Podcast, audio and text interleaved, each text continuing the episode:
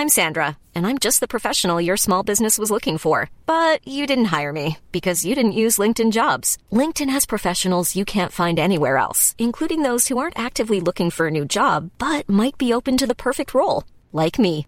In a given month, over 70% of LinkedIn users don't visit other leading job sites. So if you're not looking on LinkedIn, you'll miss out on great candidates like Sandra. Start hiring professionals like a professional. Post your free job on linkedin.com/people today. Planning for your next trip? Elevate your travel style with Quince. Quince has all the jet-setting essentials you'll want for your next getaway, like European linen, premium luggage options, buttery soft Italian leather bags, and so much more. And is all priced at 50 to 80% less than similar brands. Plus, Quince only works with factories that use safe and ethical manufacturing practices. Pack your bags with high-quality essentials you'll be wearing for vacations to come with Quince. Go to quince.com slash pack for free shipping and 365-day returns. Since 2013, Bombas has donated over 100 million socks, underwear, and t-shirts to those facing homelessness. If we counted those on air, this ad would last over 1,157 days. But if we counted the time it takes to make a donation possible, it would take just a few clicks. Because every time you make a purchase, Bombas donates an item to someone who needs it. Go to bombas.com slash ACAST and use code ACAST for 20% off your first purchase. That's bombas.com slash ACAST, code ACAST. Alkoholavgifter, kontantstøtte og et tredje kjønn. Dette er noen av temaene i denne ukens episode av Tore og Tarjei. På hvert vårt hjemmekontor her på Vestlandet sitter Tore Hjalmar Sævik og meg sjøl, Tarjei Gilje. Og med oss fra hovedstaden har vi stortingsrepresentant Jorunn Gleditsch Lossius, som representerer Agder KrF og er andre nestleder i familie- og kulturkomiteen. Hjertelig velkommen, Jorunn. Tusen takk for det. Kjekt å ha deg med. Eh, Torsdag i forrige uke så var det nominasjonsmøte i Agder eh, KrF. Eh, Siden de gamle fylkene skal være valgdistrikt òg ved stortingsvalget neste år, eh, så har det vært litt diskusjon om gamle Aust- og Vest-Agder skulle ha felles liste eh, begge steder. Og helt siden i vinter har det vært debatt i Fedrelandsvennen om hvor mye vekt man skulle legge på likestillingsaspektet når man valgte kandidater. Eh, et langt møte endte med at du ble nominert på andreplass bak eh, partileder Kjell Ingolf Ropstad på begge valglistene. Eh, hvordan har du opplevd prosessen frem mot det valget? Det er klart at eh, nominasjon, det er tøft. Eh, men det er også et litt sånn nødvendig onde. Hvis du har lyst til å drive med politikk, så, så må det til. Men det å gå opp imot eh, partifeller og gode kollegaer som du både respekterer og er glad i, det er krevende. Eh, det er det. Når det er sagt, så syns jeg at vi har hatt en ganske god prosess i Agder. Det har ikke vært en sånn kamp som man ofte skriver nominasjonskamp, så har det ikke vært Det har vært veldig respektfullt og fint. Og så har jo naturlig nok eh, våre medlemmer hatt ulike ønsker. Men eh, alle har blitt omtalt på en veldig sånn respektfull og fin måte. Eh, så det syns jeg har vært veldig godt. Ja, du, sånn som du sier, at Det er jo en, en slags ironi det i at parlamentarisk leder Hans Fredrik Grøvan, som på en måte er din sjef i en viss forstand da, nå, var jo den som, som var uh, han, trak, han trakk seg jo først fra prosessen, og så meldte han seg på igjen. Og så var det da du som fikk den plassen som han vel òg hadde ønsket seg. Og det er jo litt uh, politikkens vesen at dere skal nå være kolleger uh, frem til valget på Stortinget. Og sånn er det jo mange som har, har opplevd i ulike, ulike varianter. De siste dagene nå så har det jo vært mye snakk om reduksjon i alkoholavgifter som del av, av den avtalen regjeringspartiene har inngått med Fremskrittspartiet om statsbudsjettet. Og nå akkurat mens vi snakket her, så så jeg at nå var Listhaug ute igjen og, og, var ganske trøtte av Venstre og, og Kristelig Folkeparti. Så der, der, går jo på en måte noe av den politiske kampen videre. Men dette med alkoholavgifter det er jo et saksfelt som du har engasjert deg i eh, over tid. Du skrev i et leserbrev i Lillesandsposten i februar i 2018, når du var varaordfører der, at, og jeg siterer, at her må Frp og Høyre våkne opp. Nasjonalt ønsker de liberaliseringer i form av flere utsalgssteder og lengre åpningstider, selv om all forskning gjennom flere tiår viser at det er en helt klar sammenheng mellom forbruk og overforbruk og misbruk. Og Da lurer jeg på hvordan du opplever den situasjonen som dere har havnet i nå? Først må jeg si at du har gått grundig til verks, gått tilbake i hva jeg har skrevet fra Det er klart at vi, vi leser, vi leser Lillesandsposten og andre, andre regionaviser nøye. For, for... Det er jeg sikker på at redaksjonen der setter pris på. Eh, nei, det er jo sant som jeg skriver der, at det er jo en helt klart sammenheng mellom eh, tilgjengelighet, økt tilgjengelighet, lavere priser og, og um, økt forbruk og overforbruk og misbruk. Det kommer vi ikke utenom. Eh, så Derfor har det vært veldig viktig for KrF å ha en solidarisk alkoholpolitikk så er vi der at vi er i en mindretallsregjering og vi skal finne flertall i et budsjettforlik. Og det er jo ikke til å komme utenom at det her var jo FrPs prioritering inne i det her budsjettet. Eh, og som et 4 %-parti så var det noe vi var nødt til å gi etter på for å få på plass andre veldig viktige gjennomslag for oss. F.eks. at vi fortsatt skal ta imot 3000 kvoteflyktninger. Frp ønska jo ingen kvoteflyktninger. Og også det at vi kan holde bistandsprosenten oppe. Det er jo det aspektet med internasjonal solidaritet, at vi bryr oss også spesielt under pandemien om de utenfor våre egne landegrenser. Det har vært utrolig viktig for KrF. Og ikke minst så har det her sikra det gode budsjettet vi først la frem. Et budsjett som er knallgodt på familie, på eldre og på veldig mange gode KrF-saker. Og så kan du jo si at ja, det, man reduserer avgiftene, men, men, i praksis så vil det ikke ha noe større utslag enn at f.eks. en halvliter øl da vil bli 1 krone og 40 øre billigere.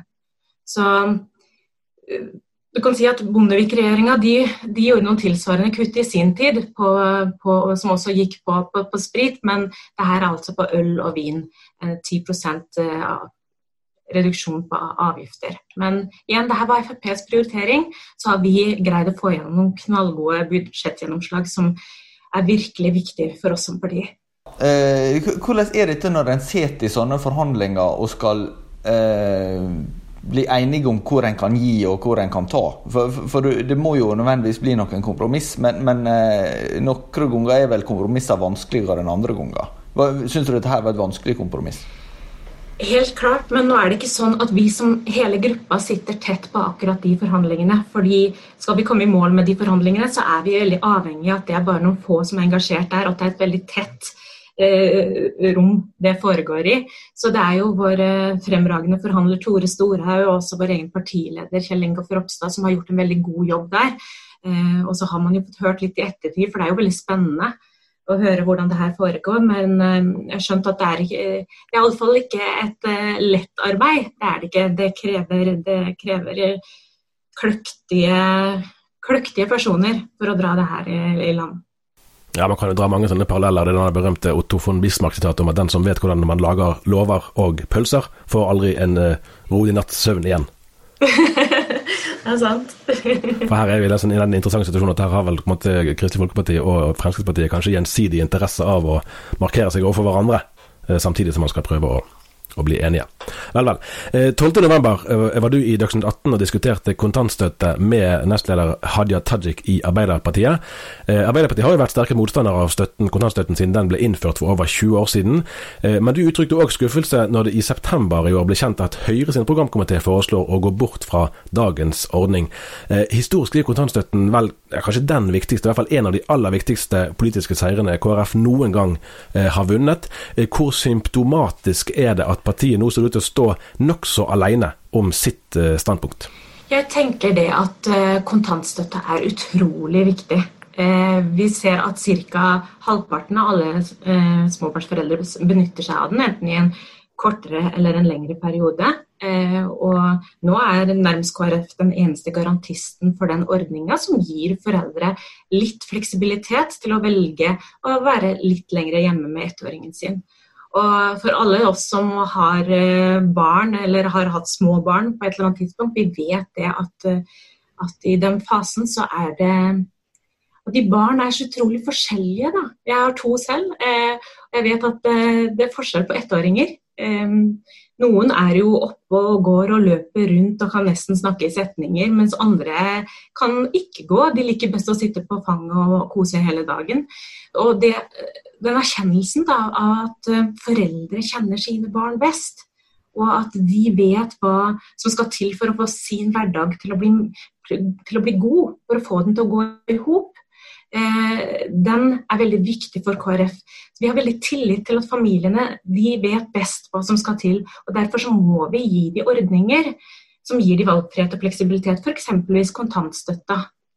Men også gode permisjonsordninger. og Det ser vi også at dagens tredeling av permisjonsordninga, det at man Eh, har 15 uker reservert til mor, 15 uker reservert til far og resten til fri fordeling, den fungerer ikke. Titusentalls av foreldre over det ganske land har gått i Facebook-grupper og ut i pressen og sagt at det her går ikke. Vi får ikke nok tid hjemme med det lille barnet vårt, og det smerter oss. Og denne ordninga ble jo på mange måter til i likestillingens navn. Paradokset er jo at vi ser at det motsatte skjer. At veldig mange kvinner nå velger å ta ut ulønna permisjon for å være litt lengre hjemme med barnet sitt. Men er det blitt, blitt vanskeligere å drive en, en, familiepolitikk som gir rom for den fleksibiliteten som, som KrF ønsker. For, for det, det, virker jo som at det, hvis, du, altså hvis, du, skrur klokka eh, noen år tilbake, da, 15-20 eh, år, så var jo det å sende ettåringer i barnehagen mye mindre vanlig. Eh, og det var, det, Du skal ikke gå mye lenger tilbake enn det før det, det var nokså uh, utenkelig å begynne så tidlig med barnehage. Uh, mens nå så er jo det uh, nærmest sånn her uh, noe en har et forklaringsproblem hvis en ikke begynner tidlig med barnehage, for, for, for det, det er jo alle. ja, Det var kanskje lite med 10-15 år, men poenget, poenget, tror jeg står seg ganske bra likevel. Da. Er det sånn at du opplever at det som var en sånn at folk, at KrF traff en nerve i folket med å gå inn for kontantstøtta for eh, da vel 20 år siden, nå er vanskeligere å, å nå inn med? Jeg syns det er veldig viktig at alle, uavhengig av økonomisk utgangspunkt, skal ha muligheten til å velge å være litt lengre hjemme med ettåringen sin. Eh, og dessverre så ser vi at partiet både på høyre- og venstresida ikke synes at den valgfriheten er så viktig lenger. Du ser at også Høyres programforslag så går man inn for å erstatte kontantstøtta med en såkalt ventestøtte. Eh, og en ventestøtte det kan sikkert løse det økonomiske og praktiske i en overgang for, for noen som ønsker bare å sende barnet i barnehage, men, men det sier likevel noe med retninga på deres familiepolitikk. at uh, alle barn skal i barnehage fortest mulig uansett.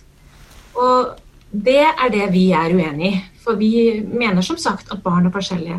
Og foreldre er forskjellige. Og at det som er eh, en god løsning for én familie, ikke nødvendigvis er det for en annen. Og vi vil at også de som ikke har veldig god råd, at de skal få lov til å ta, ta, ha valg, rett og slett. Og, og få bedre tid sammen med, med sine små barn. Og det det er noe av det jeg brenner for i familiepolitikken. Da. At, uh, ikke minst at foreldre og barn skal få mer tid sammen.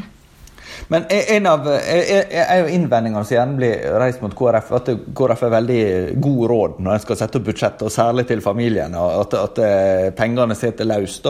Men, men, at det ikke alltid dette her ser ut til å gi de resultatene som en hadde håpet på. F.eks. når det gjelder fødselstallene i Norge, så de fortsatt å gå nedover, selv om om, eh, om eh, det er veldig rause permisjonsordninger og, og tilnærmet full barnehagedekning og sånn. Hva refleksjoner gjør du deg om det? Altså, her kan det være fare for at KrF har overtro på hva du kan oppnå politisk? Jeg tror at de løsningene vi kommer med, er veldig viktige for de som ønsker noe som ikke er helt mainstream. Eh, og Vi ser jo at fødselstallene går ned i landet vårt, og det er jo en utfordring på sikt. Eh, og mye av det handler jo om at veldig mange venter veldig lenge med å få barn, til sent i 30-åra. Og jeg tror at i samfunnet vårt så har vi nesten en oppfatning om at du, du, skal være ferdig studert, du skal være i full jobb, og du skal gjerne ha rekkehus og stasjonsvogn og hele pakka, hele rigget, for å kunne sette i gang og ha en familie. Og da, da sier det seg sjøl i forhold til befruktning liksom, Eller ja, ja, hvor fruktbare folk er eh, i slutten av 30-åra. At, um, at fødselstallene vil gå ned i sammenheng med det. Men KrF brenner for at også de som ikke har liksom, rekkehus og stasjonsvogn og alt på plass, at de også skal ha muligheten til å ta imot barn. ikke sant? Enten du er student, da er det så viktig med at engangsstønaden I 2013 så var den på 30 000 kroner. Nå i dette budsjettet så vil den være på over 90 000 kroner.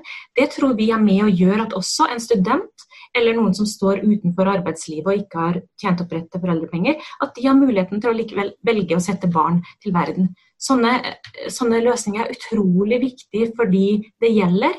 Eh, og så tenker jeg at eh, den tanken om at ikke alle skal være eh, nødt til å velge likt, den er veldig viktig. Vi ser i Arbeiderpartiet sin politikk at når de snakker familiepolitikk, så er det liksom for at um, deres familiepolitikk skal tjene noen andre mål som de ønsker å oppnå. Enten det er det kan være prisverdige mål i seg selv, det kan være styrka arbeidslinje, økt integrering, bedre likestilling. Men likevel så blir det veldig feil når du ikke lytter til familiene og bruker, fjerner kontantstøtta, kutter på engangsstønaden. Gjør sånne grep for å presse alle inn på den samme linja. Det syns vi blir veldig feil. Så for de som ønsker den valgfriheten og fleksibiliteten, så tror jeg den er veldig veldig viktig. Og vi ser jo det på permisjon. Titusentalls av foreldre over det ganske land sier at det her fungerer ikke.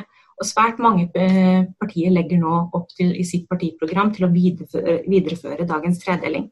Og det er opptatt av at alle de der ute som er opptatt av å ha gode permisjonsordninger, enten det er småbarnsforeldre selv eller det er besteforeldre. De som er opptatt av det, de må vite at det er KrF som er garantisten for gode permisjonsløsninger og for kontantstøtta. Hmm.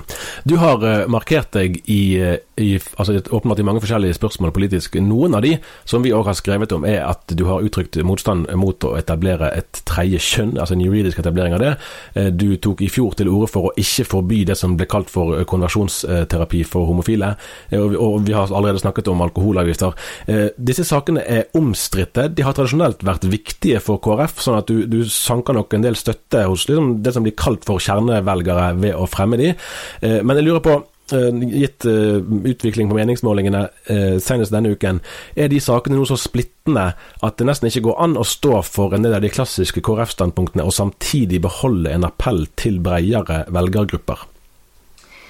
Jeg tror det at fra tid til annen så dukker det opp spørsmål som er vanskelige, som, er, som, berører mennesker veldig nært, som er såre. Og det å gå inn i de spørsmålene på en respektfull måte.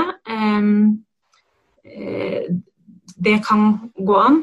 Samtidig liksom løfte de overordna eh, og prinsipielle diskusjonene, men gjøre det med en sånn varsomhet at andre allikevel ikke kjenner at de eh, blir støtt. Og så er det som et politisk parti. Du vil aldri finne et parti du er 100% enig med. Det vil alltid være ting du reagerer på. Men, men jeg tror at det som er felles for eh, oss som KrF-ere, eh, som kanskje forener oss aller mest, er, det, er synet på menneskeverdet. Eh, synet på, på, menneskets verdi, at vi alle er like mye verdt, helt uavhengig av egenskaper og, vi, og, og, og produksjonsevne. Og det at vi er uendelig mye verdt og like mye verdt. ikke sant? Og så vil det være nå var jo du innom tre ulike saker som eh, er ganske vidt forskjellige.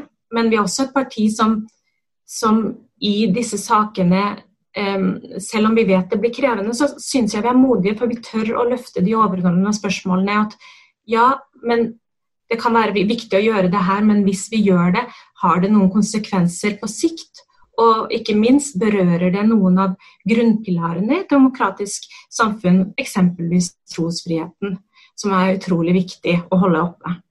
Eh, før du ble eh, politiker, eh, så har du studert både kristendomskunnskap, du har studert drama og teater, du har studert historie, du har jobbet både som lærer og som møbel- og klesselger. I en barnehage har du også jobbet, og dessuten i Søndagsskolen Norge, så du har en ganske rik bakgrunn før du, du ble etter hvert varaordfører og stortingsrepresentant senere. Hva var det som Altså, for du, du, var jo da over 30 år når du valgte å skifte til politikken som yrkesvei, da, for å si det sånn. Hva var det som tiltrakk deg med, med, med å være politiker?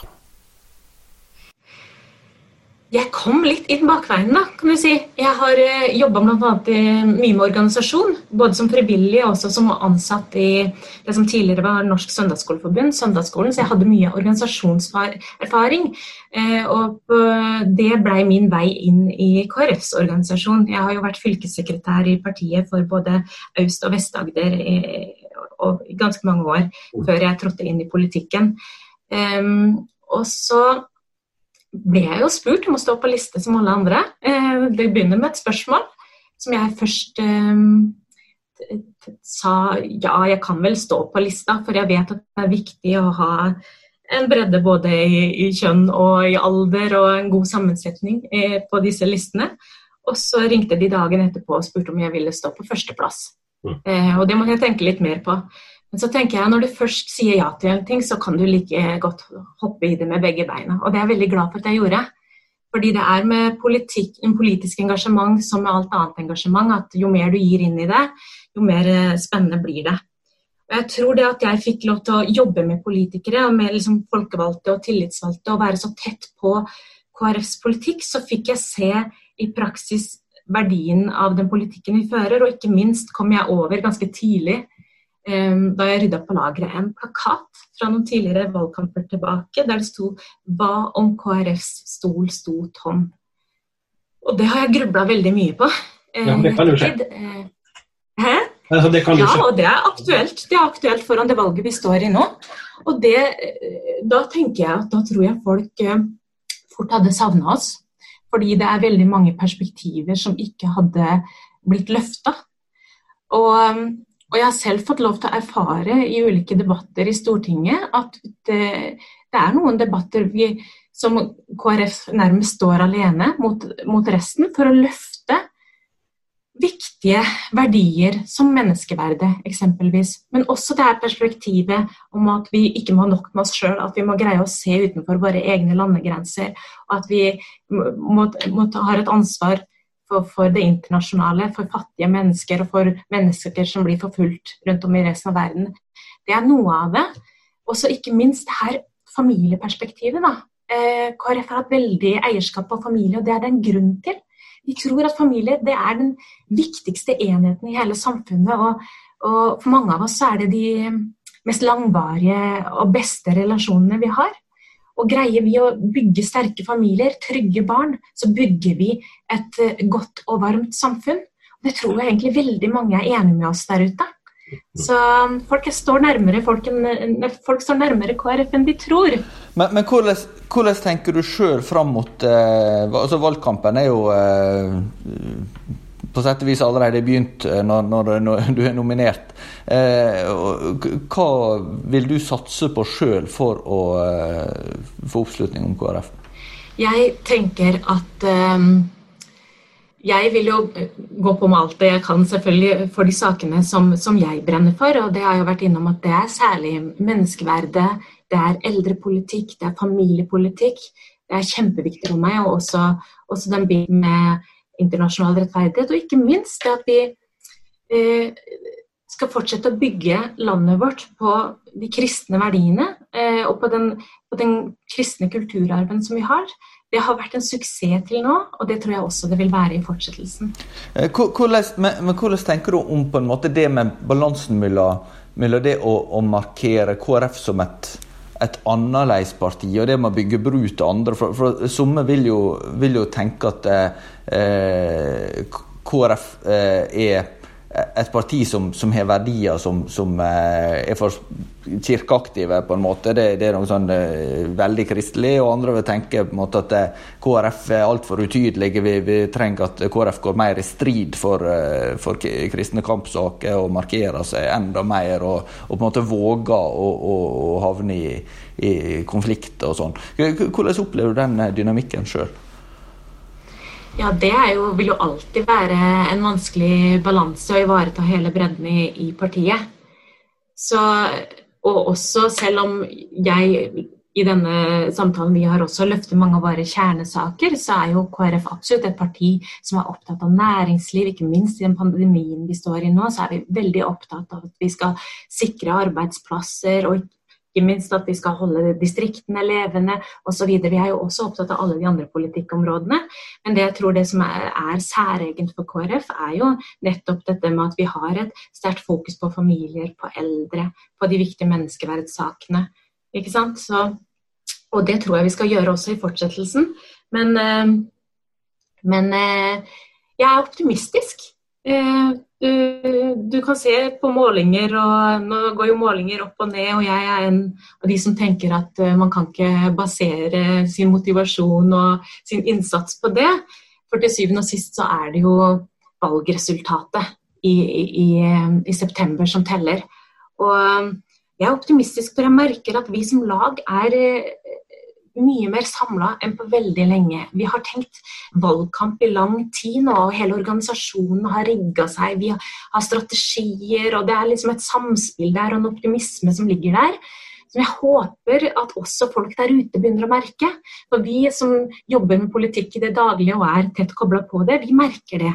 Og vi kjenner på nesten en forventning foran valgkampen. og er klar til å gi jernet, altså. For vi, vi, tror KrF er en viktig stemme. Virkelig viktig stemme inn i norsk politikk. Og det håper vi at også de der ute ser. Du kommer jo eh, opprinnelig fra Orkdal, sant? i det som heter uh, Trøndelag nå. Uh, hva vil du si Seterøra, faktisk. Hvis du har hørt om det. Ser du det, du? Der mulla Krekar nesten kom. Riktig, riktig. Eh, men så er det jo Agder du representerer eh, nå. Hva vil du si, eh, dette er jo kanskje et spørsmål som er farlig å svare på, men du får nå prøve. Hva vil du si særpreger Sørlandet, for så vidt både politisk og kristelig? Det er jo en landsdel som gjerne forbindes sånn generelt med konservative holdninger. Hva, hva liksom, Hvis man ønsker å forstå Sørlandet, hva bør man være særlig opptatt av da? Nei, Sørlandet det er en landsdel som har det meste. og Det er jo ikke sant, det er jo ikke en du kan ikke si noe veldig generelt om Sørlandet, for vi er mye innflyttere fra hele landet der og er som landsdeler flest. Men, men det er eh, Det jeg tenker er litt ekstra fint med Sørlandet, er kanskje det engasjementet vi ser eh, eh, det er et veldig sterkt sosialt engasjement, også i regi av veldig mange gode organisasjoner og, og menigheter at uh, Det har vi sett den siste tiden også, at de går sammen for byen eller går sammen for lokalsamfunnet sitt. Enten for å løse utfordringer i sitt nærmiljø, da, enten det er, eh, går på fattigdomsutfordringer eller ensomhet, så har de valgt at vi, vi, skal, vi skal, virkelig tjene lokalsamfunnet vårt. og det, det, det, er noe jeg merker rundt omkring i de sørlandske kommunene, og som er veldig etter KrFs hjerte også, for vi ser at det frivillige, at det ideelle arbeidet, de har Eh, helt eh, andre forutsetninger for å løse en del oppgaver som, som, vi i det kommunale og i det statlige ikke er i stand til å, å løse. Ikke minst fordi man tilbyr eh, relasjoner og omsorg over lang tid. Eh, så Eh, å styrke det frivillige og det ideelle, det er jo noe som er veldig etter KrFs hjerte, og også noe som jeg brenner veldig for i mitt politiske arbeid. Akkurat. Og du har jo vært, eh, altså Før du var eh, fulltidspolitiker, så har du vært både konfirmantleder i Den norske kirke, og du har vært barne- og ungdomsleder i Fidelfia i Lillesand. Du, er, du sa til oss i oktober tror jeg det var, at du er medlem av Den norske kirke sjøl, men du er gift med en pinsevenn. Hva vil du trekke frem som de viktigste styrkene i de forskjellige vi har allerede snakket om søndagsskole òg, i de forskjellige sammenhengene der du har vært engasjert? Ja, som du sikkert skjønner, så er jeg veldig tverrkirkelig. Virkelig.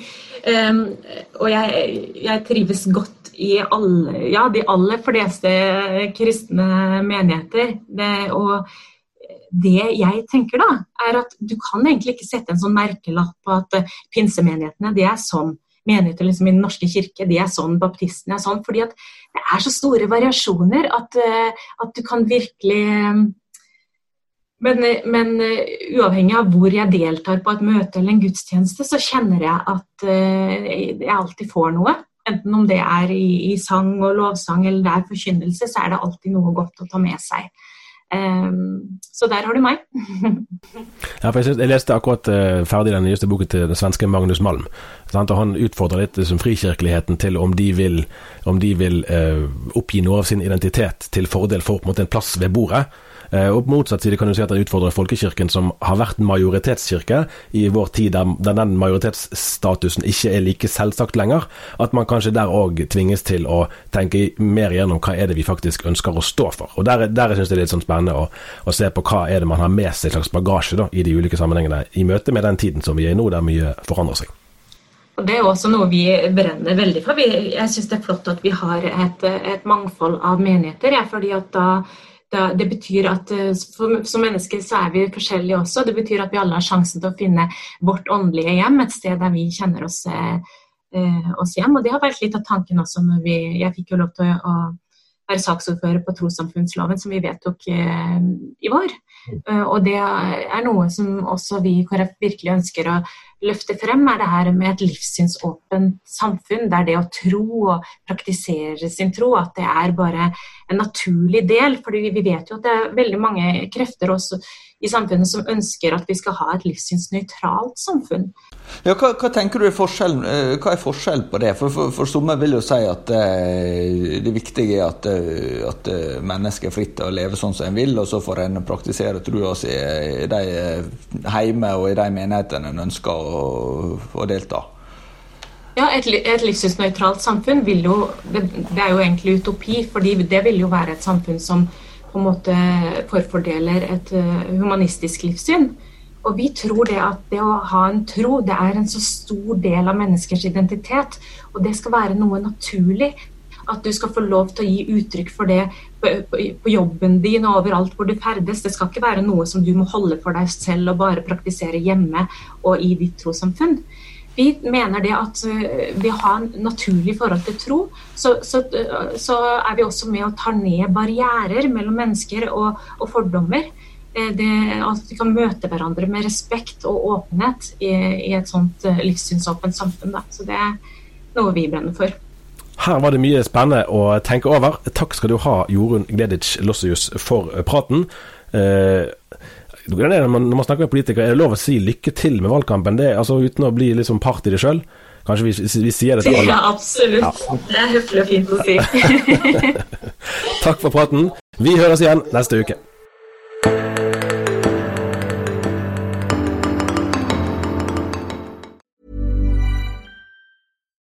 Here's a cool fact a crocodile can't stick out its tongue.